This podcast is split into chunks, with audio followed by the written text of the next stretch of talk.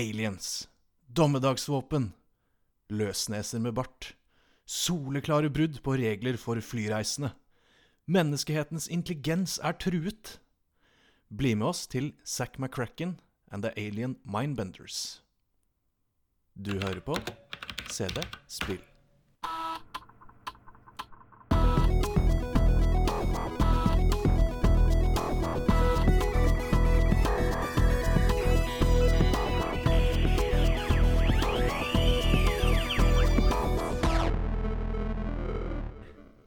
Velkommen tilbake til 28. episode av CD Spill.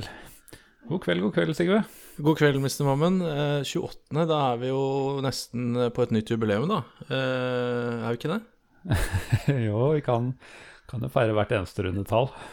Ja, jeg syns eh, man gjør jo det fram til eh, Nei, så jeg trenger egentlig bare en unnskyldning jeg, for, å, for å feste litt.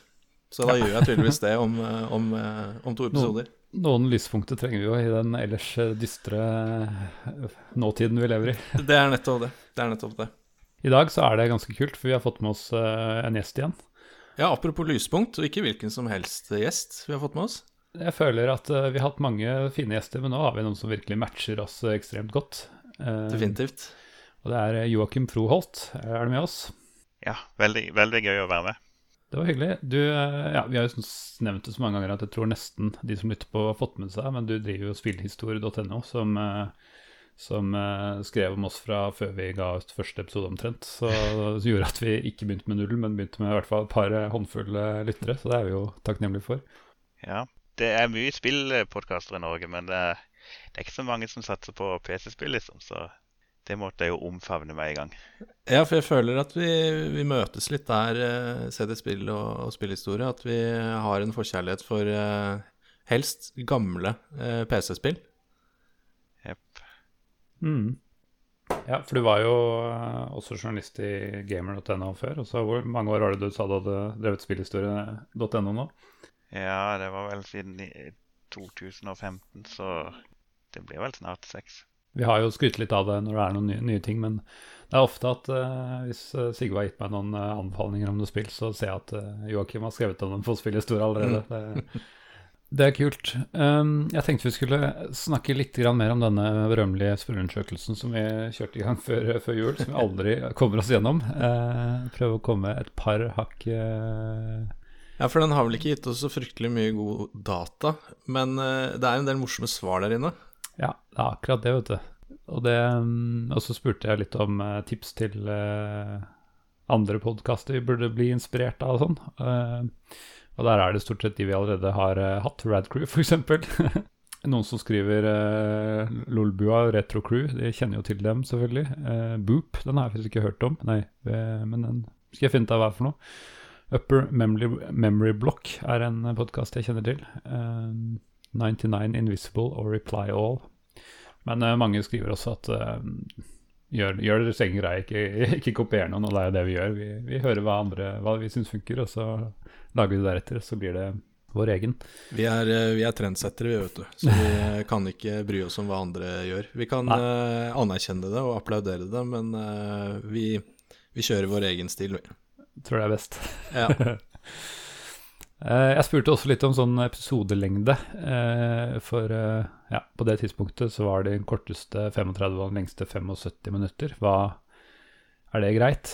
Alternativene var jo da de lengste episodene er for lange, de korteste er for korte. Eh, det, lengden spiller ingen rolle så lenge det liksom eh, har noe å prate om, og noen mener at kort episode, eller en siste alternativ var korte episoder bør eh, fylles med mer prat. Eh, Heldigvis var det ingen som mente at vi bare skulle tomprate, så det var null, som var, null prosent som sa, sa sistnevnte. Ja.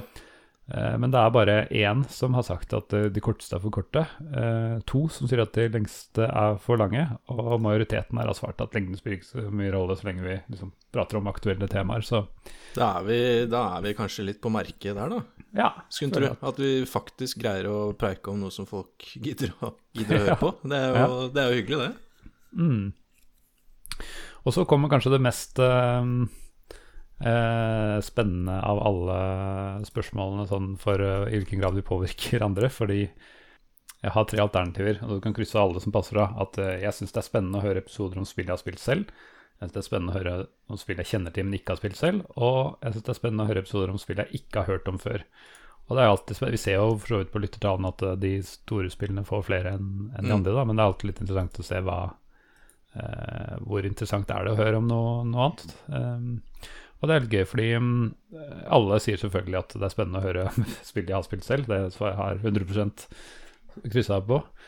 Men, eh, og ting de har hørt om, men eh, ikke har spilt, det er det nesten alle der, eh, alle minus én. Så Hm. godt over 90% som, som har kryssa på den. Men bare litt over halvparten så syns det er spennende å høre om um, spill de ikke har noe forhold til, da. Men jeg Ja, syns synes jo jeg- over halvparten er bra, jeg. Ja, og så tenker jeg at da syns jeg den andre halvparten der skal bare skjerpe seg. For altså, hallo, jeg har vært med i episoder og snakka om spill jeg ikke hadde spilt eller kjenner til. Så får de bare skjerpe seg litt, syns jeg. Mm. Uh, ja, absolutt. Men uh, det er jo fortsatt over halvparten, da. Så, og det syns jeg er bra. Uh, men enda mer relevant er jo Har du blitt fristet til å utforske titler vi har snakket om? Ja, det er spennende. Og da er det Jeg har noen gang sett på bilder eller videoer av spill dere har pratet om. Det var jo eh, ca. halvparten kryssa for. Eh, jeg har noen ganger spilt et spill selv etter at dere har eh, hørt om spillet i en episode. Og det er det godt over eh, 35% som har kryssa på. Så det er litt kult at noen faktisk gidder å prøve noe som vi har. eh, Ja, så det er ikke bare Joakim som er influenser, vi er influensere vi òg, faktisk. Åpenbart for et par, par stykker i dette landet. Ja, Eh, Så er det 14% som har skrevet det holder stort sett med deres tanker om spillet. Så det var jo en høflig, høflig måte å avvise oss på. Men det er fair enough, ass. Jeg, eh, Mm. øh, Å sjekke ut masse absurde ting. Det, det, litt av grunnen til at du dekker det, er jo nettopp for eh, I hvert fall spill som ikke har holdt seg, at man skal få, få en ja for det, det Du vet jo hvordan jeg, hvilket forhold jeg har til Call quality of life. Uh, improvements, eller mangelen på det. Så jeg kan Mm. forstå den 14 %-eren som Jeg er bare litt skuffa over at ikke de 14 prosentene kunne bare gått over på den siden hvor de i hvert fall har sjekka ut noen bilder, Mm. og liksom titta på Ja. hva spillet er, i hvert fall. Men for å spille opp igjen spill fra 80- og 90-tallet, det, det kan være veldig hit and miss. Eh, så Mm. det, det har jeg respekt for. Ja, absolutt. Og så har jeg ehm, eh, en til her som Jeg legger jo noen ganger, bruker disse shownotes, og jeg får jo også hjelp av spillhistorie for øvrig, men eh, å legge ved videoer, artikler og lignende som er relevante til, til spillet i episodebeskrivelsen. Eh, Jeg var veldig flink på det i starten. Jeg vet at eh, det ikke er så flink nå lenger, men jeg, jeg pleier alltid å ha en, en annen link til noe tilbakeblikk og sånne ting. Og det sier 92,9% sier ja, fortsett med det. Eh, 7,1 som sier nei, det holder med podkasten. Hva er det for, hva det for noen negative typer? Altså, jeg tenker det er sånn hva, hva, hva er det negative med at man legger eh, linker og info i, i shownotes? Mm. Nei, det blir for mye. Jeg har hørt på en hel podkast, jeg orker ikke å trykke på linker og, og lese om Nei, uff a meg. Og ja, nå må jeg bare kjøre i gang her, for dette var relevant for gjesten vår. Eh, Jeg spurte også om alle episodene postes også på spillhistorie.no. Det er for øvrig veldig takknemlig for eh, Joakim. Jeg Pleier du å lese disse artiklene? Og det er jo kanskje du er også spent på hva, hva svaret blir. Eh, og da Ja, det er ganske godt fordelt. Altså, det er em, ja, 23,1% svarer niks. Det er ja, ca. en fjerdedel. Eh, mens ellers er det resterende 35,5 eh, ganske nøyaktig likt. Eh, svarer jepp, og den andre halvdelen svarer fra tid til annen. Eh, så det var tre alternativer der, da. Da, har vi, da, gjør, vi, da gjør vi noe riktig her, Joakim. Mm. Det gjør vi. Jeg skal uansett uh, ta meg en prat med de der 23 prosentene som Ja. ikke, ikke ville at Joakim skal skrive. Jeg skal ta så stramme opp de litt, jeg. Så blir det null, null prosent neste runde. Mm. Men nå kan vi endre legge bak oss uh, dette. Ja, da var leksene gjort, Yes. så da kan vi spille data. Jippi! Jeg tenker at det er naturlig å begynne med et spørsmål til, til oss, og ikke minst til gjesten vår, for å finne ut av eh, ja, hva, interesserer, hva interesserer oss for. Og det som spørsmålet denne gangen blir hvilket spill fortjener en remake? Problemet er jo at det er altfor mye å velge mellom. ja, luksusproblem. Kjenner til det. Men uh, for eksempel så er det ganske mange kule, gamle spill som åpenbart ble lagd før uh, teknologien egentlig klarte å matche ambisjonsnivået. Mm. Mm. Og det, det er en del, del sånne spill som jeg gjerne kunne likt å se uh, likt å se hvordan de kunne vært liksom, hvis teknologien hadde gjort det skaperen egentlig ønska. Det er et som heter Mercenary 3. Mm. Det, det, er et åpen verdensspill, førstepersons synsvinkel, som foregår i et eh, korrekt modellert solsystem, hvor du kan kjøre rundt på ulike planeter, besøke bygninger der, snakke med folk, ta romskip til andre planeter og måner. Eller mm. til og med ta bussen til måner, eller rombussen, Kult. da. Wow. Og taxi rundt forbi, og du kan løse spillet på flere forskjellige måter. Du kan bli liksom president, eller du kan bli opprører, eller bare tjene masse penger. Det er helt absurd ambisiøst. Og så kom det for Amiga og Atari ST i 1992, tror jeg. Ja. Hmm. Og det er jo veldig enkel 3D-grafikk, og alt er veldig, veldig simpelt, da. Men, men liksom ambisjonene er der, og det funker jo på en måte. Det hadde vært gøy å se åssen det kunne vært med moderne teknologi. Huh. Uh, jeg ble jo, ble jo nysgjerrig sjøl nå om jeg må endre mitt svar på spørsmålet. For det spillet her hørtes ut som noe jeg også vil Jeg skulle fått en remake. Ja, men, men så, så, er det jo selvfølgelig det er det konseptet egentlig jeg ønsker meg, eller er det akkurat det spillet? Så det er jo kanskje mer konseptet det, mm. som appellerer. Hvis ja. jeg skal ta et veldig spesifikt spill som er mye enklere, så vil jeg si et uh, handelsspill som heter uh, The Patrician. Og det, det, er kjempegøy. Du kan spille fire stykker på det i et sånn hotseat. Så på samme datamaskin, altså. Ja. Og det, det foregår under Hansa-tida, og poenget er da så Du begynner med ett seilskip, og så kjøper varer et sted, selger de et annet sted for helst litt mer tjene mm. masse penger, og så bruke disse pengene på å skaffe deg politisk innflytelse. Og ja. førstemann til å bli uh, lederen for hele Hansa-forbundet vinner. Kult. Det, I utgangspunktet så er det nesten perfekt, syns jeg. Men det er sånn når du har spilt uh, fem-seks timer og begynner å bli ganske stor, så blir det forferdelig mange skip og sånt å holde orden på. Så ja, så begynner det å bli mye micromanagement og ja. mye holde styr på, ja. Så det er det jeg kunne tenkt meg hvis noen skulle lagd en slags drømmeversjon av det for meg, så kunne jeg lagt inn noe sånn automatisering og sånn.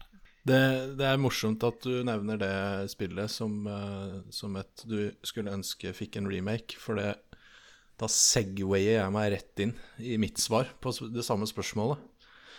Eh, og det, det, svaret kom til meg ganske raskt, egentlig. Eh, det spillet jeg skulle ønske ble remaka skikkelig, eh, det er Sid Meyers 'Colonization'. Og bare apropos handelsskip og eh, ja, eh, bartering og handel og jobbe seg oppover og altså Klart det er to forskjellige spill, dette her, men det var bare morsomt at det var litt, noen av de samme elementene. Og en av de tingene som For jeg har spilt det spillet her jeg vet ikke hvor mange hundre timer gjennom barndommen. Musikken sitter fortsatt i hodet mitt. Uh, unitsene, alt. Uh, så jeg har jo spilt igjen i voksen alder. Men jeg merka meg at en av flere ting da, som burde vært gjort noe med, er akkurat det samme som i uh, The Patrician. At det blir så mange skip. Det blir så mange kolonier. Det blir så mange handelsruter. Så du, du mister Eller jeg i hvert fall mister jo helt oversikten. Og savner at det kunne vært en form for eh, batch-mekanisme eller en automatisering av etter hvert et ganske stort handelsnettverk. Da. Så, ja. så colonization, det er min uh, Hvis jeg får Jeg har av en eller annen grunn uh, forelsket meg i Civilization 5. Hvis jeg hadde fått en colonization i Civilization 5-drakt, da, da hadde jeg vært happy. Men du vet det åpenbare at det faktisk kom en Colonization remake for en sånn ti, ti Ja, den uh, bygd på Siv 4-plattformen, ja, hvis ikke jeg husker helt feil. Ja, for den Ja, ja jeg, har, jeg, har den i Steam-biblioteket. Jeg har prøvd å spille den litt, men det blir eh, Det blei det, liksom, det traff meg ikke det er mulig jeg stiller urealistiske krav, men jeg vil bare ha colonization, jeg. Men med litt mer sånn moderne interface, egentlig. ja. Ja, men jeg er veldig enig i akkurat det med micromanagement. Det er nesten greit å høre noen andre si det, for eh, jeg føler meg jo nærmest dust når jeg har spilt det en stund og totalt mister kontrollen. ja. Nei, det Der er, du, der er vi i samme båt. Det er eh, Det skal jo tross alt være litt gøy òg, å spille et spill. Men når det bare blir eh, arbeid Altså Colonization er tror jeg tror nesten er det eneste dataspillet hvor jeg sitter med notatblokk og penn for å holde oversikt. Så nei, eh, micromanagement, det, det kan vi greie oss uten. Det, det tenker jeg Der er vi helt enige. Jeg har starta det ganske mange ganger, men jeg har kun spilt gjennom det én gang. Det er jo helt forskjellig fra Civilization for min del. Ja. Ja. Veldig, veldig Ja, veldig annerledes fil. Uh, men eh, jeg tror nok det var vel litt sånn tilfeldigheter, som, som så mange spill var i, i barndommen, at uh, noen, noen hadde Civilization som kom fra en eller annen fetter. Og i mitt hus så var det Colonization som hadde dukket opp fra et eller annet sted. Så da Ja. var det det jeg spilte. Ja. Er det min tur, da? Ja, nå er, vi- nå er vi spente her. Ja, jeg hadde jo først uh, første som kom i dukka opp i hodet mitt. Det var eh, et mye nyere spill da, som heter eh, The Movies, som eh, jeg tror alle vi tre har spilt eh, mye. Ja, god kandidat. Veldig god kandidat. Jeg husker i hvert fall Ja, nok et spill som jeg tror Joakim anmeldte før jeg hørte om det. Men det, jeg, i motsetning til deg, da, så syns jeg det er litt juks å anbefale noe som har fått en remake, for nå er det i Early Access er det noe som heter Filmmaker Tycoon, som om det blir bra eller ikke, det får vi jo se på. Men, men da tenkte jeg at ok, da får jeg ta et steg tilbake og finne et uh, annet spill. Og det blir litt sånn som, um, som Joakim uh, nevnte også, at ja, uh, det var så tidlig ute at hvem vet hvordan det ville utarta seg i dag. Men spillet mitt heter Flames of Freedom, også kjent som Midwinter 2. Eh, Joakim tror jeg har spilt eneren mener jeg, en eller annen gang jeg har lest, eller kanskje spilt toeren nå, for alt hva jeg vet. Jeg har eneren i boks rett i nærheten her, men jeg, Nice! Jeg har ikke spilt, uh, spilt det som jeg kan huske, faktisk. Nei. Men jeg, det, det er jo absolutt et spill jeg har veldig lyst til å spille. Ja, ok. Ja, for det er i hvert fall Du er en slags sånn superagent, kan du kanskje si. Eh, du, ja, eller det er flere nivåer her, da. Du har eh, litt sånn taktisk nivå av masse øyer og sånn. Du kan velge hvem du skal ta i hvilken rekkefølge og sånn. Men, men når, du vel, når du er på et oppdrag, da, så, så, så, så kan du gå inn i alle mulige kjøretøy langs veien. Du kan gå inn i gips, du kan gå inn i zeppeliner, du kan gå inn i ubåter, du kan gå inn i hva som helst. Eller kapre dem og kjøre rundt og øh, skyte og gjøre oppdraget, da. eh, som kan være hva som helst. Eh, ja, veldig sånn eh, åpen verden-spill. veldig mange muligheter. Eh, og du, du, du kan jo kjøre deg fast fordi du skal snakke med noen informanter, og de kan du kjøre over og skyte og alt mulig rart. Men, så det har, jo feil, men eh, det er et veldig kult eh, konsept. da, Og jeg husker jeg spilte det veldig, veldig mye.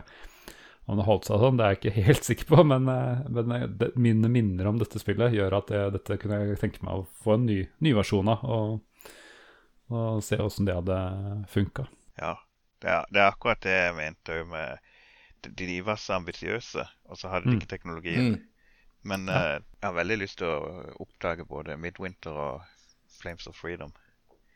Ja.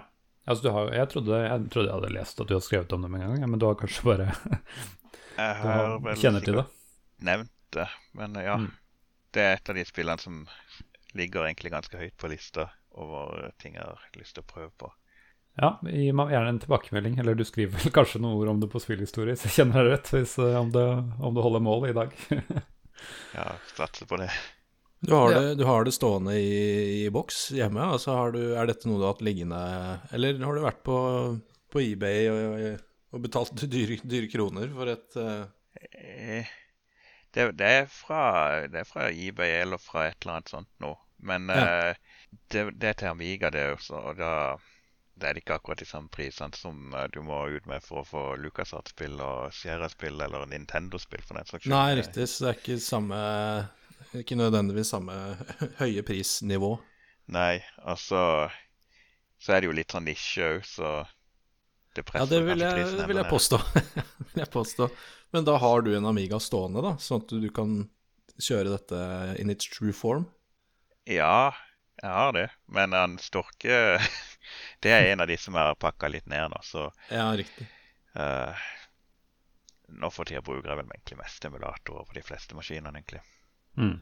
Her har vi noe å strekke oss etter, eh, Mr. Moman. Jeg har ikke stående noe Packard Bell eh, med sånn gul, gulhvit eh, kabinett og Soundblaster-høyttalere. Det har jeg ikke.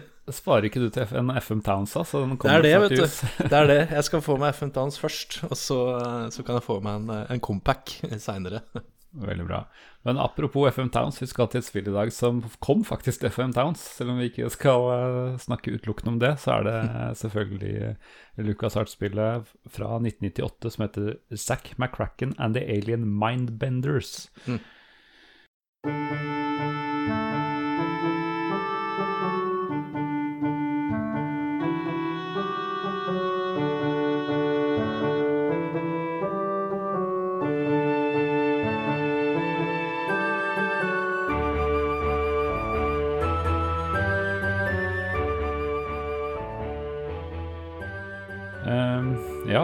Det kom, eh, ble utvikla først til eh, Commodore 64 eh, og kom i, til DOS samme året. Men det var ikke jeg klar over før Joakim påpekte det, at det kom faktisk den versjonen som jeg, eller vi alle har spilt, tror jeg, kom året etter, som hadde litt oppgradert grafikk og litt Jeg vet ikke om det var litt nye fonter og sånn, men det var bitte litt pussa på. Ikke bare bitte litt, det var faktisk litt sy synlig bedre grafikk. EGA-grafikk for øvrig. Og ja, det er jo et veldig merkelig spill på veldig mange måter. Jeg vet ikke om um, eh, noen som vil prøve seg. Joakim, har du lyst til å prøve deg på å introdusere hva, hva Zack McCracken er for noe? Ja. Um, det, det er jo en sånn konspirasjonsteoriopplegg, mye av det. Absolutt. Uh, men altså Det er jo en rase med slamper fra verdensrommet som har kommet ned og så tatt over et eller annet telefonselskap. Mm. Jeg er ikke helt sikker på hvordan alt henger sammen, men de har en sånn maskin som gjør folk dummere. Den sender ut noe sånn øh, bølger eller et eller annet som bare får folk til å bli dumme. Så, så etter noen år, da, eller snart egentlig i dag Dette foregår vel i 1997, så det er en, Mm. en god del år etter at spillet egentlig kom ut. da. Eh, så det de håper, da, at vi på jorda skal bli dummere enn de. Sånn at de kan ta over planeten. ja, stemmer. Så Ja. så, ja, så spiller vi en fyr, en journalist, eller sånn eh, tabloidjournalist som heter uh, Zack McCracken. Artig navn. uh, som på et eller annet vis han kommer på ferden med dette her. Så må vi bare få, få Mm. redda opp i situasjonen. Helt riktig. Hvem er det som har de høye hodene? Er det, er det de slemme? Er det Cap Caponians? Yes. Det er eh, de slemme som har infiltrert eh, The Phone Company med den skumle maskinen som Joakim eh, pratet om. Med The, the Hum. The Hum, ja. Fra The Mindbending Machine. Altså, det spillet her Jeg, jeg Her har jeg mer spørsmål enn svar, for å si det sånn. Eh, Ja. Både pga. det plottet er jo helt ute av kontroll. ja. Men også fordi dette her spilte jeg hos, eh, hos vår gode venn eh, Werner Filtvedt. eh, hjemme, hjemme i bygda. Eh, og vi eh, kom aldri videre fra et visst punkt i spillet, fordi der måtte man ha en kode fra manualen. Mm. Og den hadde jo ikke vi, eh, uten at jeg skal gå inn på om dette var piratkopiert eller ikke. Men eh, vi hadde i hvert fall ikke manualen. Eh, men jeg husker at vi spilte det jo liksom eh, opp igjen en del ganger, da, men, men vi kom altså ikke forbi dette punktet, da. Eh, Hvor man trengte koder fra, fra manualen. Så, så jeg, Nei, jeg har fryktelig mange spørsmål til spillet her av denne grunnen, og, og fordi hva er det som foregår her, egentlig? Med høye hoder og løsneser og med bart, og det er en kazoo inne i bildet. Og, altså, det, det er så mye rart da, at jeg, jeg veit egentlig ikke helt hva jeg var med på da jeg spilte det.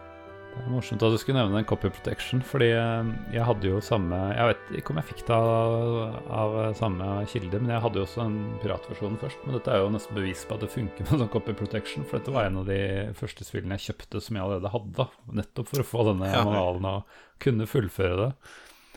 Um, for jeg også klarte å komme alt som var mulig å komme uh, før man trengte For man kan spille en god del av spillet. Ehm, den, den utarter seg sånn at du ikke kan fly utenlands, altså ja, i USA. Du er en tredestinasjon i USA du kan, kan fritt farte mellom, og i starten så er det der du trenger å være. Men, eh, eller fire kanskje, jeg husker ikke. Men eh, i hvert fall så er det jo da For å komme ut der, så må du ha en Visa-code-symboler Ja, det er der, ja. Mm. som bare fins i den fysiske manualen. Eh, men det som var interessant, var at jeg hadde med den jeg hadde fått dette spillet, hadde tydeligvis eh, denne manualen. Da. For jeg, hadde, jeg husker det fulgte med noen save games eh, som var liksom i, i London eller et eller annet sted som du ikke kunne komme ellers. da. Eh, så jeg fikk jo prøvd litt av verden utenfor og sett hva, hva som kunne skje. Men til min store frustrasjon så hadde ikke de gjort de tingene jeg visste at man kunne gjøre i San Francisco og Miami og sånne ting. Altså, jeg hadde ikke de items som jeg visste at jeg trengte. Hvis jeg reiste hjem igjen, så måtte jeg ha den visakoden igjen. Altså, det ble litt sånn der... Er det straff, straffer seg å være kriminell? Ja. Ja, de har jo en ganske morsom Hvis du, hvis du taster feil av denne visakode to-tre ganger, da, eller hva det er, så blir du satt i fengsel, fysisk i fengsel, i en lokasjon i Katmandu eller noe sånt. Ja, selvfølgelig. Katmandu, ja. Ja. Så klart. Ja, det var det siste som skjedde. Jeg har jo spilt spillet litt. Grann. Det var det siste som skjedde nå før podkasten, var at jeg ble satt i fengsel i Katmandu. Å ja, du har, du har vært der nylig, du. ja. Jeg prøvde å stjele noe. Riktig, riktig. Trenger ikke å gå i detaljen med, men Men hadde du, hadde du eh, manualen, eh, Joakim? Nei, jeg hadde ikke det, men eh, det var jo på Amiga, så da var det jo noen som hadde krekka det. Ja, Men så for min del så var det feil på disketten som stoppa meg, så jeg fikk ikke spilt gjennom det heller før eh, Nei. en stund etterpå. Hmm. Ja. Det som er litt eh, interessant, er at du, du får, selv om du begynner med Zack McCracken, så kan du etter hvert låse opp uh, og styre fire eh, personer. Uh, det er jo en litt Altså, dette spillet kom jo etter Maniac Mansion, hvor du, hvor du kunne styre tre stykker, og du kunne velge litt til en viss grad hvilken tre det skulle være. Men her var det fire fixed persons, og da er da journalisten, Zack. Eh, Annie, som er en sånn ja, Hva er det hun egentlig er for noe? Eh, Samler på artifacts. eh, kan lese hieroglyfer og litt eh, har skolert, i hvert fall. Uh, og ja, det foregår i fremtiden. Uh, vi har også to astronauter, Leslie og Melissa, som i- ja, de er ikke på i bane rundt jorda. De er ikke på, på, på Pluto. De er ikke på månen. De er eh, på Mars. Ja, så klart. I 1997 så hadde vi jo tross alt klart å komme oss til Mars. Ja, men det, det som er så fantastisk, er jo at eh, de hadde mottatt gjennom en drøm eh, instruksjoner om hvordan de skulle bygge om eh, folkevognbussen de sin, eller hva det var for noe, Ja, til en romrakett, sånn at de kunne komme seg til Mars. Å ja, stemmer det. Ja, for det er, det er en del sånne eh, drømmescener eh, i det spillet her, mener jeg husker. Altså apropos Altså, Jeg håper noen kan gi meg et svar på det etter hvert. eh, Løsnes eh, med bart og briller. Men altså, det, det skjer en del i drømmer her i det spillet. Ja. Hele spillet åpner jo i en, en drømmesekvens hvor Zack ser da Annie og denne maskinen som de skal bygge, og de ser Mars, og det er en del sånne derre mm, Legger litt eh, Planter noen ideer da, om, eh, om hvordan ting henger sammen. Men eh, Ja, nei, som, som sagt, da så har du disse med to hoder, eh, Caponians, som, eh, som De kan jo ikke gå, gå rundt eh, og vise seg fram, så da eh, putter de på en hatt på det øverste hodet og noen løsbriller, og så ser de ut som eh, mennesker. Så det er der, det er der løsnesen kommer inn, selvfølgelig. Mm. Caponien skal skjule Så de går rundt med hatt og løsnese og briller, ja. Selvfølgelig. Det er en sekvens ganske tidlig i spillet hvor uh, du ser For, for det er jo sånne mellomsekvenser i dette spillet. Som, det er jo ganske kult for et spill fra 1988, forresten. Men uh, hvor uh, en av de må ut for oss å lete etter eh, Jeg tror det er pga. at du aktiverer en av disse krystallene. Og det er noe som de sine En sånn krystall som du har funnet, da. Mm. Som Jeg vet ikke. Du kan kalle det en magisk krystall. Ja. Iallfall så Mest sannsynlig. så, så kommer de ut for å finne det, og så da ser du det i uh, Fra de sitt hovedkvarter så ser du han en tar på seg sånn uh, hatt og løsbart, og så spør han den andre der åssen ser jeg ut. Stygg. Sånn som menneskene. Bra. Ja, det er herlig, altså. ja, for det er, jo, det er jo faktisk, eh, som du er inne på, Joakim, det er jo cutscenes i det spillet her fra 1988. Med eh, Altså cutscenes med in game-grafikk. Mm. Eh, hvor, du, hvor du ja, får cutscenes med, med den samme grafikken som, som resten av spillet. Det høres jo kanskje lettvint ut eh, istedenfor å lage noe rå renders, men jeg syns det er litt kult, egentlig. At et spill fra 1988 bare, bare kliner til, og så kjører de cutscenes med, med in game-grafikken. Mm. Og det er jo den der scenen der finner jo sted et sted som du etter hvert kan gå, eller kanskje Mm. blir fanga. For det, hvis de får fatt i det, så blir du slengt inn i den der mindbender-maskinen de sin og fordumma, rett og slett. Ja, ja, ja. Ja, Det er jo egentlig litt festlig, fordi du, du har jo, dette er jo en pek-klikk der du hadde masse verb nederst. Fryktelig, fryktelig mange verb nederst. Men når du står i maskinen, bare forsvinner verbene én etter én etter én, så du blir liksom dummere, da. Det er litt kul. kul Så hva er verst? Er det dummemaskinen, eller er det fengselet i Katmandu? Nei, Begge deler går det an å komme seg ut av, da, men det Ja. er litt irriterende.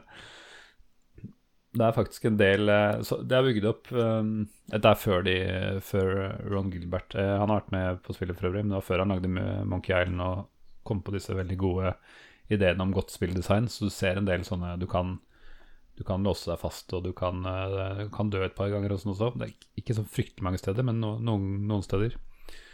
Eh, Men det er ofte sånn bygd opp sånn at eh, siden det er par her, da, at hvis Zack låser seg inn i fengselet i Katmandu, så kan Annie komme og, Mm. komme og redde. Og, og samme på Mars også, det er to stykker. Det er fullt mulig å kjøre fast igjen. og Hvis du er litt smart, så klarer du å, å redde med den andre, da. Mm. Så det er noen eh, Det er gjort noen smarte grep, selv om de ikke er helt i mål med, med alt. Ja, for jeg, jeg husker jo eh, Altså, kall det gåtene eller puzzles. Og her har jeg inntrykk av at internett er enig med meg. Eh, de, var, de var litt, eh, litt i overkant kompliserte. Litt i overkant liksom random. Hva, hva du skulle plukke opp for å bruke på det ene og det andre. Og det var, det var liksom ikke nødvendigvis en sånn naturlig logikk i pick up og use. Eh, det var veldig sånn rart. Jeg vet ikke dere, om dere husker noe av det. Ja, i begynnelsen så syns jeg jo det er ganske logisk. Det er jo det som er den første delen av spillet, før du egentlig får kontroll over alle disse forskjellige figurene og sånt noe. Den syns jeg er veldig logisk, Ja. på en måte. Altså, det er en del sånne ting du må bare gjette det til, men altså, alt du gjør, er litt sånn, sånn normale ting folk kan gjøre, da. Ja, ja, ja. Men Det er logikken, så, liksom. Ja, så etter hvert så blir det veldig Det blir vanskelig. Mm. Det gjør det. Og så har du det der økonomiske opplegget òg. At alle har sitt eget cashcard, Mm. hvor de har en viss mengde penger. Og hvis du går tom for penger, så kan du ikke reise mellom eh, Ja, ta fly, og så kan du ikke kjøpe ting og så ditt og datt. Så da er det mulig å sette seg fast der. Det går an å løse det, da, men uh, det, er ikke, det er ikke så lett. Men hvordan, hvordan, hvordan tjener du penger? Det husker jeg ikke.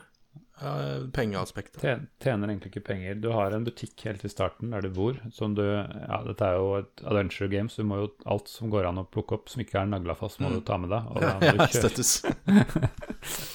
må du jo kjøpe ting i, i denne butikken, riktignok. Eh, du kan pantsette tingene dine hvis du har gått helt tom. Som selvfølgelig ikke går an å løse spillet hvis du har gjort det permanent. Men, eh, men så er det en, eh, går det også an å spille lotto her. Ah, Eh, og ja, du kan jo selvfølgelig spille og håpe på at du er heldig, eh, eller man kan kanskje finne en måte å forutse lottotallene på eh, et eller annet Ja, sted i senere okay. spillet. riktig, riktig. Men eh, jeg er helt enig. Jeg også, når jeg spilte nå, så syns jeg det var så stress. For jeg vet at ja, du har uh, Zack begynner med ganske mye penger, eh, men den går tom, så, jeg, så du må liksom klare å komme deg til den posisjonen hvor du kan, kan eh, begynne å vinne Lotto. Eh, så jeg var livredd for å kjøre feil, og jeg begynte jeg, jeg fant fram walkthrough etter en, en stund fordi at jeg jeg orka ikke å skulle risikere å stå fast og bare måtte begynne på nytt og starte tidligere save og sånn. Jeg hadde bare lyst til å fullføre det, så, så jeg cheata litt der. Ja, og, og hvis det er at du går inn i det helt blind, holdt på å si, så, så aner du jo ikke at det går an å få den der lottomuligheten. Så, Nei. så det er et litt stressende spill sånn sett. Det har det. Ja, nei, så det er vel eh, en av de negative sidene med det.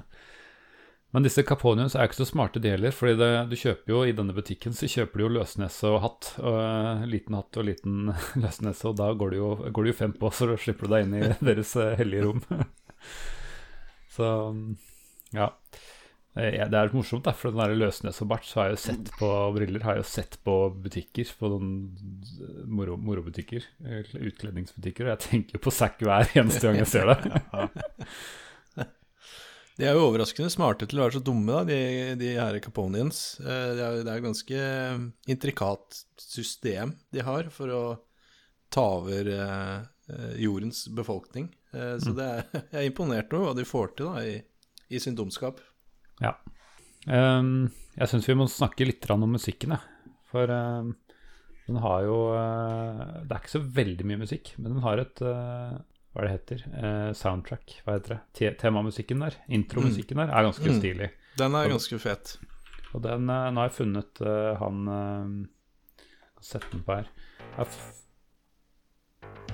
Det vi hører her nå, er ikke fra en spesifikk versjon, tror jeg, men det er, det er han eh, han composeren som har lagt ut på sin eh, Soundcloud, som er sikkert sånn han tenkte at det skulle være. Men jeg Ja. bare lytt på den her.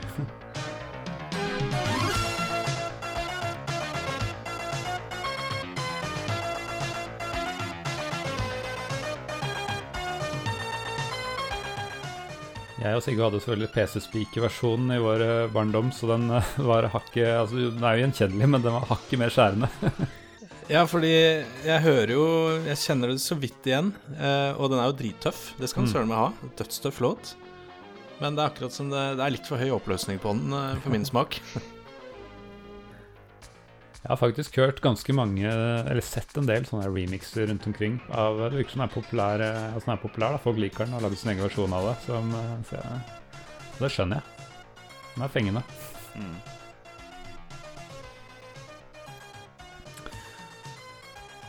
Så bortover, bortsett fra den temamusikken, så er det litt musikk på noen flyplasser og sånn. Og, og litt eh, i, i ny og ne, men det er ganske, ganske lite ellers. Ja, altså Den musikken jeg husker best, i den grad man kan kalle det musikk, er jo den derre kazooen. Ja, det er et musikkinstrument som jeg har lært meg hva var pga. Zack McCracken. Ja, det, Ja, samme her. hva, men hva, hva, hva var greia med den? Jeg bare husker at det var et tema, at den kazooen var in play hele tiden. Men jeg husker liksom ikke Hva, var brukt, hva var det egentlig den ble brukt til? Ehm, jo, den uh, Du kunne jo spille på den hele tiden. Det var sikkert derfor du gjorde det. For å få litt Mm. lyd ut av maskinen. Men uh, det var kun ett eh, puzzle var til, og det var helt i starten. Eller du trengte flere ganger, men det var å få bussjåføren til å våkne opp for å kjøre deg til flyplassen. Ja, Måtte stå utafor og Nå, Var, Når du sier det, så Det husker jeg faktisk.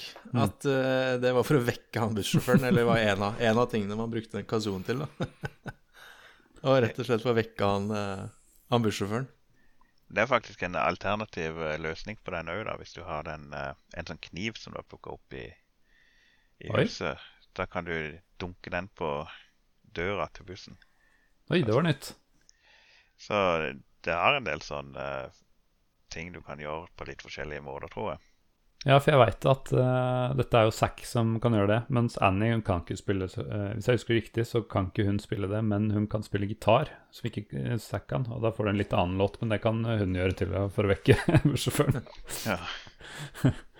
Ok, kniv også, ja. Det høres litt skummelt ut. å bruke kniv på bussjåføren for å komme deg av gårde. Så du kan ikke banke på Nå skal ikke jeg gjøre meg vanskelig, men du kan ikke banke på vinduet. Men du kan, du kan kakke på vinduet med en kniv, ja. Uh, og da våkner han. Ja, riktig, riktig.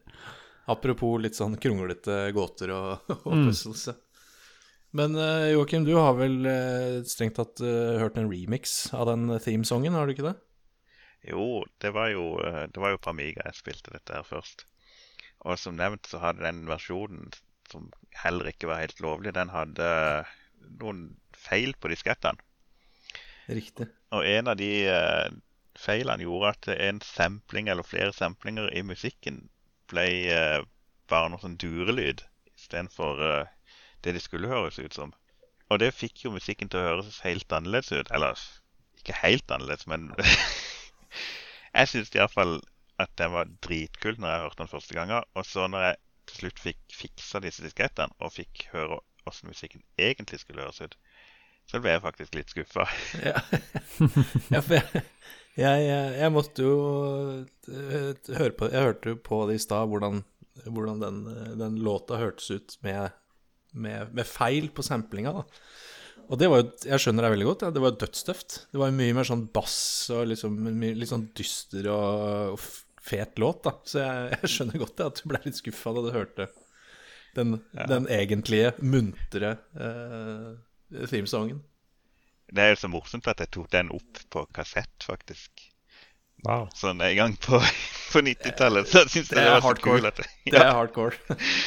altså. Uff. Jeg gjorde det samme. Jeg tror det fins en eller annen sånn analogkassett i, i barndomshjemmet mitt som har sånn PC-speaker-musikk. Akkurat som jeg ikke fikk nok av, nok av det ellers. Akkurat som jeg ikke har brukt nok, som jeg tok opp lyder fra Monkey Island og Zack og det som måtte være, og Dune 2 og masse, masse godt du finner på den, tror jeg. Der har du et øyeblikk eh, Der har du et eh, sånn eh, generasjonsøyeblikk, da. Eh, En liten del av eh, verdens befolkning som har eh, For det handler jo ikke nødvendigvis om eh, La oss kalle det kvaliteten. Vi snakker om PC-spiker her. Men det var jo fett. Og når vi tenker tilbake på det, så er det jo nostalgi inne i bildet. Sånn at for oss så er jo faktisk PC-spikermusikk eh, Kan jo egentlig være, være ganske fett. For oss, for oss gamle. Ja, det er eh, Vi har noen gode minner med Eller no, ja, vi har noen gode minner fra det, i hvert fall. Uten tvil om det. Men eh, jeg er glad for at verden har gått videre, altså. Jeg er takknemlig for, eh, for det. Eh, Jeg eh, Altså, jeg Hvis jeg skal sitte og kose meg med litt nostalgi, så kan ikke jeg høre på eh, Kalle det 2021 midi-versjon av f.eks. soundtracket til Colonization. Eh, Da må jeg høre så nærme som mulig PC-speaker eller tidlig, tidlig Soundblaster. Det er det eneste som funker for meg når jeg skal, skal kose meg med, med nostalgitrippen tilbake til Colonization. Nice. Jeg, jeg, jeg, det- eh, Hvis noen husker litt tilbake igjen da vi hadde eh, Einar Johan på besøk i Scum VM-episoden, så nevnte han at uh, hvis du kjøper dette på GOG, så får du med FM Towns-versjonen av uh, Zack. Det er første gangen en VGA, eller 256 fargers versjon, har blitt tilgjengelig her i Vesten. Uh, det var jeg ikke klar over, men det er jo uh, kult å få liksom oppgradert palett. Så jeg har spilt gjennom den, den versjonen nå. Um, og det er jo et par ting som er feil, altså, som at de har bytta melodien på kazoo uh, når du spiller. Det jo ikke det. Nei. ikke. Eh, da, der, går det sted, der spiller de istedenfor Indiana Jones-temasangen, som Å, ja. hadde vært dritkult når jeg var uh, liten, men nå er det helt feil. Nå er det helt feil. For seint. For seint. ja. og et par andre sånne, sånne ting. Men jeg merka at eh, det er faktisk en del ting som er enklere med det også. Og det er, eh, det er så mye labyrinter i Zack McCracken. Det er labyrinter her og der og på alle, både Mars og på jorda og i Egypt og, ikke sant? og i Mexico. Du skal innom så mye labyrinter og pyramider og det som er.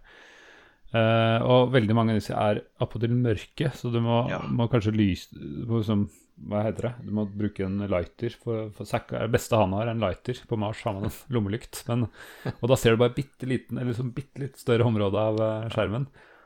Og hvis du er heldig, så finnes det en fakkel du kan tenne på, eller en, noe sånt noe, da. Men og, mange av disse labyrintene har ikke det. Altså, du må faktisk navigere i sånn bitte lite Bare se litt av skjermen. Det er frustrerende, altså. Ja, det, det var en av hovedgrunnene til at jeg ikke klarte å få meg til å spille gjennom det igjen. Hmm. Nei, labyrinter har aldri vært min greie. Nå kommer jo ikke jeg dit i sekk, da, eh, på grunn av eh, eh, at jeg manglet visa for å reise til utlandet. Men eh, jeg fikk nok av labyrinter i uh, Ducktales, ja. Så, Ok. så det er kanskje like, like greit at jeg ikke havna i noen labyrinter i Zack McCracken eh, også. Ja. Nei, for det som var i FM Towns-versjonen, er at da var det lyst i de fleste labyrintene. Så det er fortsatt frustrerende, altså, fordi det, må, det, er, ser så like ut og sånne ting. Men da gikk det i hvert fall an å å slapp du liksom å tenne lighter for å se bitte litt av skjermen for hva du, hva du skal finne. Men du sier eh, VGA. Eh, hvilken, eh, hvilken er best her, da? VGA-versjonen eller gode, gamle EGA? Hva, hva er best nostalgisk? Nei, det er vanskelig med, med nostalgi, men jeg syns Jeg, jeg, jeg skjønner at uh, GOG har eh, FM Towns-versjonen, og den, er, den har litt bedre musikk, og det ser litt bedre ut, så jeg vil faktisk si at det kanskje litt nostal nostal nostalgi, så sjekker du ut den andre dosasjonen, men eh, kjør, det er trygt. Hvis du først skal oppleve det her, så blir det mindre frustrerende, da. ved Ja, ja, jeg skjønner. Så det tenker jeg er et poeng. Så det er ikke som med Loom, at eh, vi holder oss til eh, gammelversjonen? Nei, ikke for mitt vedkommende. Jeg vet ikke, du Joakim, har du noen Eller du har kanskje ikke prøvd FM Towns-versjonen? Jeg vet ikke hva du tenker om saken? Nei, jeg har ikke prøvd den. Eh, men for, det som er litt interessant, er jo at den PC-versjonen som vi husker, Mm. det er jo Og det, samme med Amiga-versjonen. Det er jo ikke den originale versjonen, som du Det er sa. ikke det? Nei, for det, at, eh, det kom jo først til Commodore 64. Og eh, den PC-versjonen som kom rett etterpå, den er basert på Commodore 64-versjonen når det kommer til grafikken. Okay. Så ser egentlig, altså Du kjenner det jo igjen, men eh, figurene spesielt de ser helt annerledes ut. Ah, ja. Uh, De er litt flatere. Eh, ja. Alt ser flatere ut. Commodore 64, det er, eh, det, er, det, det er kassett, ikke sant? Nei Eller det var det veldig mange holdt på med i Europa, men eh, Ja, dette her kom kun på diskett. riktig. Men eh, det, det er jo litt sånn morsomt med Commodore 64, for han blir jo ganske ofte oversett nå for tida når man diskuterer historie til spill. Ja. Og, og det som er veldig mye med det at, som vi forbinder med PC, det stammer egentlig derfra. Ja. For eksempel Point and Click Adventure. Det, Ja. eh, det første eventyrspillet til LucasArts det kom bare på Commodore 64. Det var jo Labyrinth Det er Riktig. Mm. i 1986. Og så uh, var det Maniac Mansion og Zack McCracken. Begge de hadde Commodore 64 som hovedplattform. Ja. Som kom først til den. Mm. Ja, for det, det her var jo en, en, en tidsalder eh, hvor eh, det var ikke noe selvfølge da at PC var den beste plattformen. Nei, det var jo noen som satsa kun på PC omtrent. Sierra, eksempel. De, Mm. de nekta nærmest å forholde seg til de andre plattformene. Men uh, Eller det, det var litt av at de hadde brent seg så himla i begynnelsen. For da var det så Ja, ja. utrolig mange plattformer. Og så hadde de uh, satsa på altfor mange forskjellige plattformer. Så tapte de masse penger på det. For at uh, halvparten av disse maskinene gikk bare dunken. Nei, dunken. Ja, ja, ja. Men uh, ja, det, det som sagt Commodore 64 har på en måte rydda den til veldig mye av den der PC-gaminga fra Ja. 90-tallet. Mm. Men også er det visst også pga. Commodore 64 at det er så mange labyrinter i spillet. For det, det, var én uh, diskett Jeg vet ikke hvor mye plass det var på den disketten, men eh, de hadde jo ganske lite plass, egentlig, å Ja. lage det til å spille på, så de kunne ikke ha disse, eh, de kunne ikke ha alle, alle områdene kunne ikke være like detaljerte. Så da måtte de ha noen sånn labyrinter er jo bare bygd opp av forskjellige biter som de setter sammen. ja, at de kan gjenbruke Ja. assets og sprites og sånn, ja. Mm. Eh, ikke sant? Så ikke alt var like bra. Med, Nei, altså jeg har eh, Jeg er jo en PC-gamer eh, på min hals, eh, men jeg har faktisk deler av oppveksten spilt Commodore 64 hos min gode venn i nabolaget Øystein, som bodde rett, rett rundt hjørnet. Han hadde Commodore Nå skal jeg være forsiktig med å si Commodore 64, eller om det er de forskjellige typetegnelsene, men dette var i hvert fall en Commodore, og det var kassettlasting av spill, hvor man, man tror jo på mye rart når man er en liten kid, så vi trodde at for at spillet skulle laste hurtig og perfekt fra kassetten, så måtte vi være stille når kassetten gikk. Så ja, jeg vet ikke hvor mange timer jeg har sittet musestille nede i kjelleren hos Øystein og venta på at spillet skulle laste fra denne kassetten. Eh, jeg husker eh, vel bare ett spill, eh, sånn nå i hvert fall i farten, som enten er en copyright eh, violation på Super Mario, eller som er inspirasjon til Super Mario, det er Gianna Sisters. Eh, Det husker jeg jeg spilte på Commodore nede hos, hos Øystein, hvor du er The Gianna Sisters. eh, 2D sidescrolling-plattform. eh, Hvor du da skal hoppe på knuse bokser, få mynter, hoppe oppå små monster som kommer gående. Så jeg vet ikke om, om det er et eh, violation, eller om det er en inspirasjon. Men det er i hvert fall min, min korte Commodore-karriere. det er nok uh, copyright violation. Nærmest, iallfall. Nintendo det, det fikk faktisk uh, fjerna dette fra butikkene. Mm. Så, eh, men uh, det, det er jo et veldig kult spill. Uh, Det var kjempegøy. for de av oss som ikke hadde Mario, så, så var det jo eh, nesten samme greia. Ja. Og så slapp du å spille det på en sånn ekkel konsoll. Du kunne spille Ja. det på en, eh, en, eh, en slags PC med tastatur. Ja. Ja, du var litt inne på Lucas Hart sine røtter her. Vet du noe mer om, eh, om historien før de opp, opp til Zack? Joakim? ja Altså, de begynte jo ganske tidlig på 80-tallet, og da var det ikke bare Commodore 64, men det var jo Atari, disse 8-bit-datamaskiner, ikke konsollene disse, uh, som de satsa veldig på. De lagde veldig mye variert.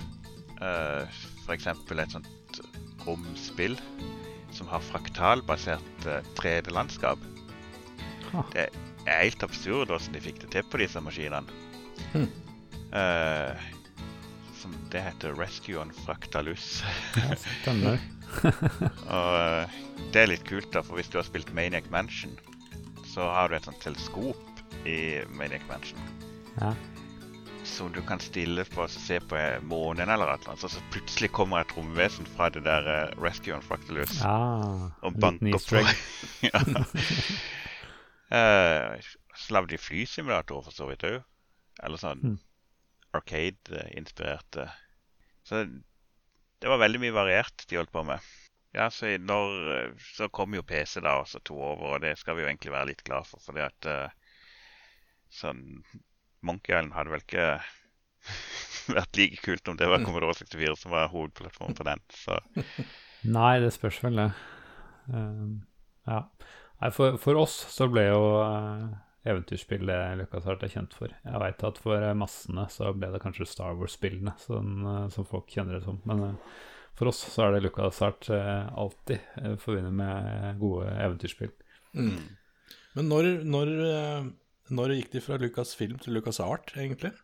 Jeg har prøvd å liksom titte litt rundt, men jeg, for jeg husker jo eh, Indiana Jones eh, og den Håper holdt på å si forsvunne skatten. Mm. Eh, det, mener jeg, det mener jeg var et Lucas Film-produksjon, mens mitt absolutte hjertebarn og beste minne, Indiana Jones Fate of Atlantis, det var et Lucas Art-spill. Så det skjedde jo et eller annet der Jeg vet Ja, ikke, tidlig 90 eller 90-tallet, ja. Jeg veit at uh, Loom, som jeg har spilt veldig mye, originale 16-bit-fargeren, er eh, der, der er det står Lucas-film, og den Mm. remaken som kom uh, ett eller to år senere, eller jeg husker ikke når den kom, men litt senere, der, der står det Lucas Hearts. Men selv på, på der det står Lucas-film fra 1990 der, så, så står det på rulleteksten noe sånn eh, Lucas Art Division in Lucasfilm. eller- Altså det står faktisk nevnt, så det er mulig at de liksom hadde det som et internnavn, og så Mm. branda det i public bare litt seinere, da. Mm. Så, men det var nok sånn, eh, som du sier, eh, 91-92 der en gang. Ja, for Fate of Atlantis, Lucas Art, uh, Day of the Tentacle, Lucas Art, Seven Ja, Max. Lucas Art. ja, absolutt. Men er vi litt- langt Men hvis du begynner å gå tilbake i tid, så Ja. Monkey Island 1 var vel Lucasfilm, het de da. Ja. Det kan hende at det var siste. Det er jo litt, eh, det er mulig det er litt sånn businessteknisk og egentlig uinteressant, men eh, dette er jo spill som har, eh, har prega oss alle. Man blir jo litt nysgjerrig når man ser forskjell på det første som kommer på skjermen når du starter, starter spillene. Ja. Eh, nå ser jeg det her. Uh, Lucas Art uh, Faktisk så står det her at de hadde Lucasfilm Games LLC etter fram til og med 1993. Altså i 1993 så gjorde de om til Lucas Art Entertainment Company. Ja. Nei, ja, så. Hmm. Det er jo litt rart. For det, jeg trodde både Monkey Island 2 og Fate of Atlantis var fra 92. ja. ja det er ikke sikkert um, Men eh, jeg også husker det Lucas Arts på de spillene. Men du må huske at uh, mye av disse kom om igjen, da. Uh, Monkey Island ja. 1 ble jo remake også, uh, med bedre grafikk og litt sånn opp CD-versjon og sånn. Ikke Talkie, men jo, det er også senere enn det nå. Men, eh, men altså, det, flere av disse ble utgitt flere ganger, da, så det kan være derfor at vi ikke hadde den første versjonen. Er det noen som har noen mer tanker eller eh, sånn du vil dele før vi Nei, jeg husker eh, Når jeg endelig spilte gjennom det, så var det jo faktisk fordi at jeg lånte en uh, offisiell Lucasfilm Games uh, walkthrough-bok fra en i klassen. Nice. Ja. Det var litt uh, artig. Ja, det var veldig mange sånne kule referanser i det. Eksempel på et eller annet tidspunkt så kjøper du ei bok som skal liksom gi deg enlightenment. Og den koster nøyaktig 42 dollar. Og det er jo det som er svaret på Svar på, på, på livet, eller er det ikke? Ja, Det er fra Hitchhiker's Guide to the Galaxy. riktig. Han, ja. uh, han var det er for- meningen med livet, er det det? 42? Ja, Ja. Svar på et eller annet. Svar Ja. på det ultimate spørsmålet om eh, universet alt mulig. Men han, Douglas Adams var jo faktisk med å lage Labyrinth. Så Ah, ja. han Yes. har en uh, forhistorie med Eller hadde da en med, med Lucasfilm. Nei, det er morsomt å skulle nevne det med, med den eh, hintboka. Fordi jeg, når jeg kjøpte spillet, så fulgte det med en avis. eh, En sånn avis i anførselstegn. Eh, Den var jo eh, sånn eh, det, det, var åpenbart trygt på, på, på sånn eh, manualpapir, holdt jeg på å si. Men, eh, men det, det, den foregikk jo da i 1997, som var en del år i fremtiden. Selv da jeg kjøpte det litt ut på 90-tallet. Og da mm, der sto det jo litt sånn, det var en halvveis hint, da, men det sto litt referanser til eh, eh, rare ting i Bermuda-triangel og oppdaga nytt ansikt på Mars, og det er liksom en del sånne humorting, da, men jeg skulle liksom se hvordan det lå an. Ja, ting som da skulle skje i 1997. mm. Det sto, I framtid. det sto til og med dato, så, Ja. spesifikk dato, så uten at jeg huska dessverre ikke eh, å ta fram den avisa på den datoen. Jeg tenkte at Nei, dette må jeg huske på. Det sto ikke noe lottotall der òg? Det er kanskje for seint nå, men Ja, for sent nå. Nei. Eh, men en ting som er veldig merkelig, er hvordan det har eh, Hvordan det har blitt så utrolig mye faninteresse og fanoppfølgere til akkurat Zack McCracken. Det er veldig rart. For uh, i 2002 så kom det et uh, spill som heter The New Adventures of Zack McCracken, uh, lagd av Lucas Fan Games. Mm. Som det husker jeg spilte da det kom, og det var veldig sånn imponerende bakgrunner, og det var ikke så langt, men det var, liksom, det var veldig pent, da. Og så kom det jo fram tvert som internett gravde litt, at dette hadde bare stjålet bakgrunnen fra et eller annet sånn fightespill som kom til Neo Geo, eller noe jeg aldri hadde hørt om. Så det er veldig, veldig sære greier, men det funka jo, det. Og så, noen år senere, så kom det noe som het Zack McCracken Between Time and Space. Eh, først eh, kun i Tyskland i 2008, og så en sånn directors cut med, med eh, full voiceover på engelsk i 2015. Eh, og det også Jeg husker jeg spilte det litt, og så ble jeg ekstremt imponert over sånn, hvor mye Hvor høy produksjonsverdi en sånn fanproduksjon har. Men uh, jeg hadde ikke helt tålmodigheten til å sette meg ned og klikke, klikke meg gjennom det. Men uh, ja, veldig interessant at dette har fått så mye uh, fanspill. Og det er ikke det eneste. Jeg, jeg tror jeg telte over det her at det var fem, seks, sju ulike fanspill som har vært under utvikling, og få av dem har blitt ferdig, da, men, men som i hvert fall har hatt en hjemmeside med noe progress og noe, noe ting man kan se på. Det siste kom bare for et drøyt år siden, så jeg vet ikke hva som gjør Zack McCracken så utrolig eh, populært. Men det er stort sett i Tyskland, da. Er- Av en eller annen grunn så er det der, der Zack McCracken-fansene bor. Ja. ja. En teori er jo Kan jeg komme med Commodore 64 igjen? Ja, Så var jo, var jo dette det siste LucasArts-spillet på Commodore 64. Og ja. det regnes som et av de kanskje fem-ti beste spillene på plattformen. Ja. Så Mm. det kan jo være Den plattformen var jo veldig populær i Tyskland òg, så det kan jo Ja, være her er det eh, ikke sant, en fanbase, eh, Commodore 64-fanbase, rett og slett, som, eh, som holder det i live. Mm. Så, men om, om det er Jeg vet heller ikke. Det, det er litt merkelig. Ja. Det skal jo sies at er det ett land i verden som uh, eventyrspillsjangeren eh, lever i beste velgående, så er det jo Tyskland. Der er den Ja, ja. ekstremt populær. Mye mer enn resten av verden. Mm. Så det er vel de to i kombinasjon, da. Mye nostalgiske C64-eiere og, og eventyrspill-miks. Ja. Jepp, jepp. Skal vi gå, by- gli over til eh, kommentarer fra lytterne? Eh, Det kan vi gjøre. Ehm, vi har uh, Det er morsomt å se engasjementet her. Uh, apropos at dette er jo et litt obskurt spill, eh, som egentlig er mest populært i Tyskland, tydeligvis. ja, har vi noen tyske Eh, svar?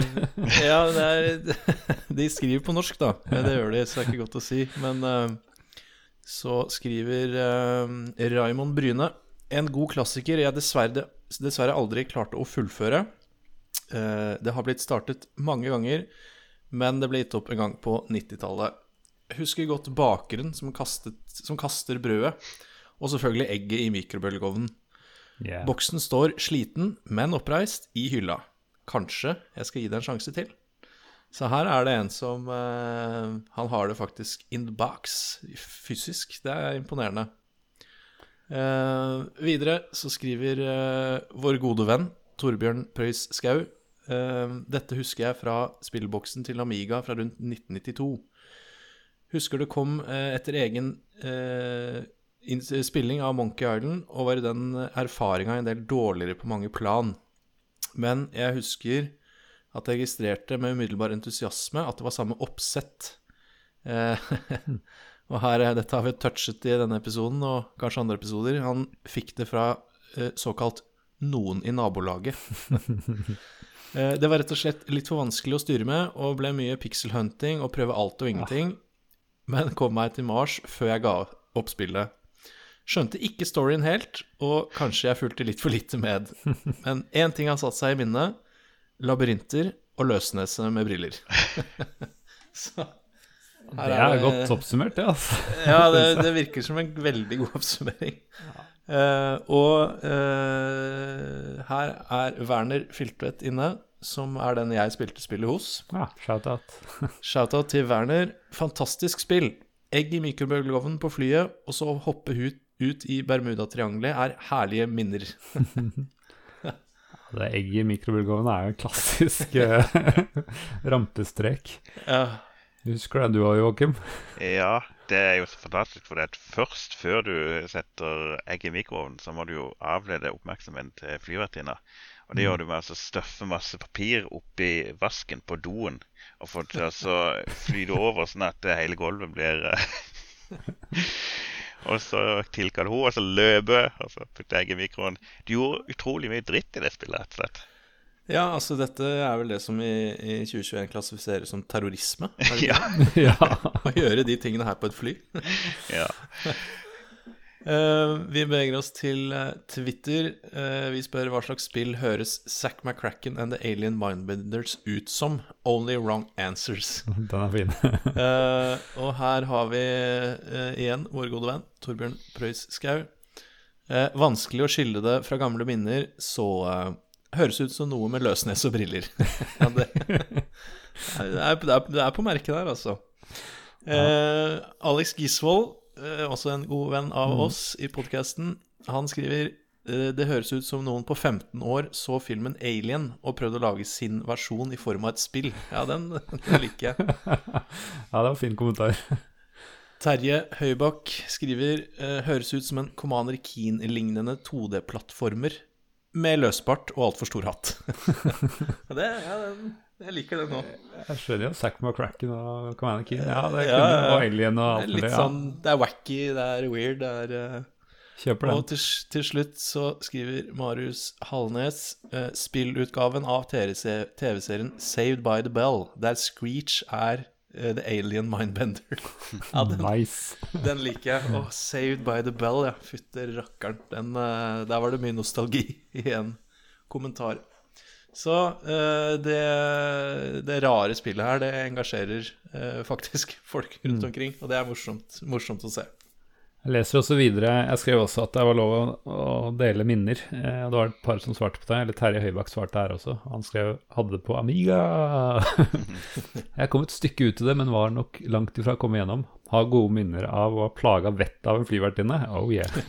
Eh, og likte ideen der de fjerna kommandoene fra oppgavelinja da du mista eh, intelligensen eh, ved å bli utsatt Ja. for mindbending-maskin. Ja. Dumme maskiner. Ja, jeg er enig. Men uh, det kule er noe jeg ikke har sett før. Det er, han poster også et bilde av uh, ja, Han skriver Syns også det er artig hvordan coveret var litt for vestlig for japanere, så FM Towns-versjonen måtte ha sitt eget anime-cover. Og så har den lagt ved begge ved siden av hverandre her. Og det, Jeg har ikke sett den før, ja, men det er jo helt herlig, det, det bildet her. Det jeg har sett, eh, eller lest iallfall, at i FM Tons-versjonen så kan du trykke på en knapp hvis du spiller på japansk eller et eller annet, og så får de anime-øyer. Oi, ja. Det høres jo ut som en fantastisk Liten en sånn kulturell tilpasning. Ja. Herlig. Ja, for den eh, Det mener jeg kanskje at jeg har lest en gang, men jeg kan ikke huske hva Jeg fant den innstillingen da jeg spilte gjennom. Kanskje det er bare hvis du spiller det på japansk at det er mulig. Mulig. Mulig. Ehm, ja, vi avslutter sånn som vi pleier med å stille spørsmålet har det holdt seg. Er det noe vi kan anbefale våre av de prosentene som faktisk sjekker ut spill, av lytterne våre? Er det noe vi kan anbefale dem å ta en titt på? Tja Det Det er ikke et spill jeg vil anbefale at de uh, kjøper hvis de er på jakt etter et godt eventyrspill, egentlig. Men uh, det har sine positive sider.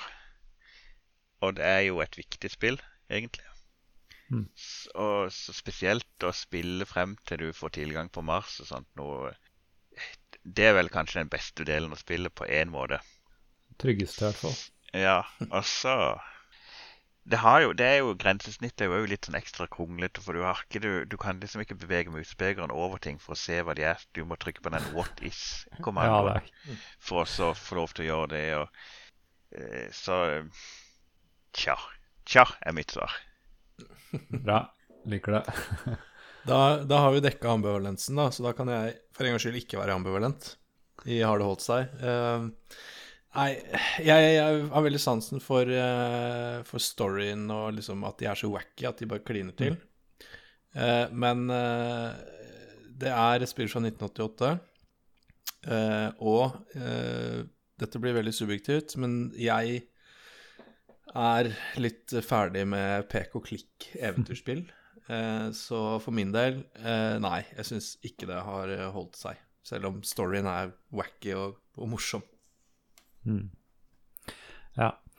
Jeg veit at eh, de gikk bevisst, eller de underveis i utviklinga så gikk de for å ikke gjøre det så seriøst, for jeg hadde tenkt å det blodseriøst først, og så ble det mer og mer wacky, og det er jeg veldig glad for at de, de gjorde. Eh, men igjen, dette er et veldig sært spill med sære puzzles med vanskelig interface, eh, som du sier, og de har ikke f.eks. en talk-kommando, som er eh, Ja, du slipper i hvert fall sånne kjedelige dialogtrær, men det er litt eh, kunstig noen ganger, da, fordi du, du vet at du trenger å oppnå noe fra en person, men hvordan, hvordan får du det da?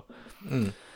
Uh, og denne Wattis, som du sier, og mye mørke korridorer og labyrinter. Og, ja, det er veldig mye med det som er uh, frustrerende.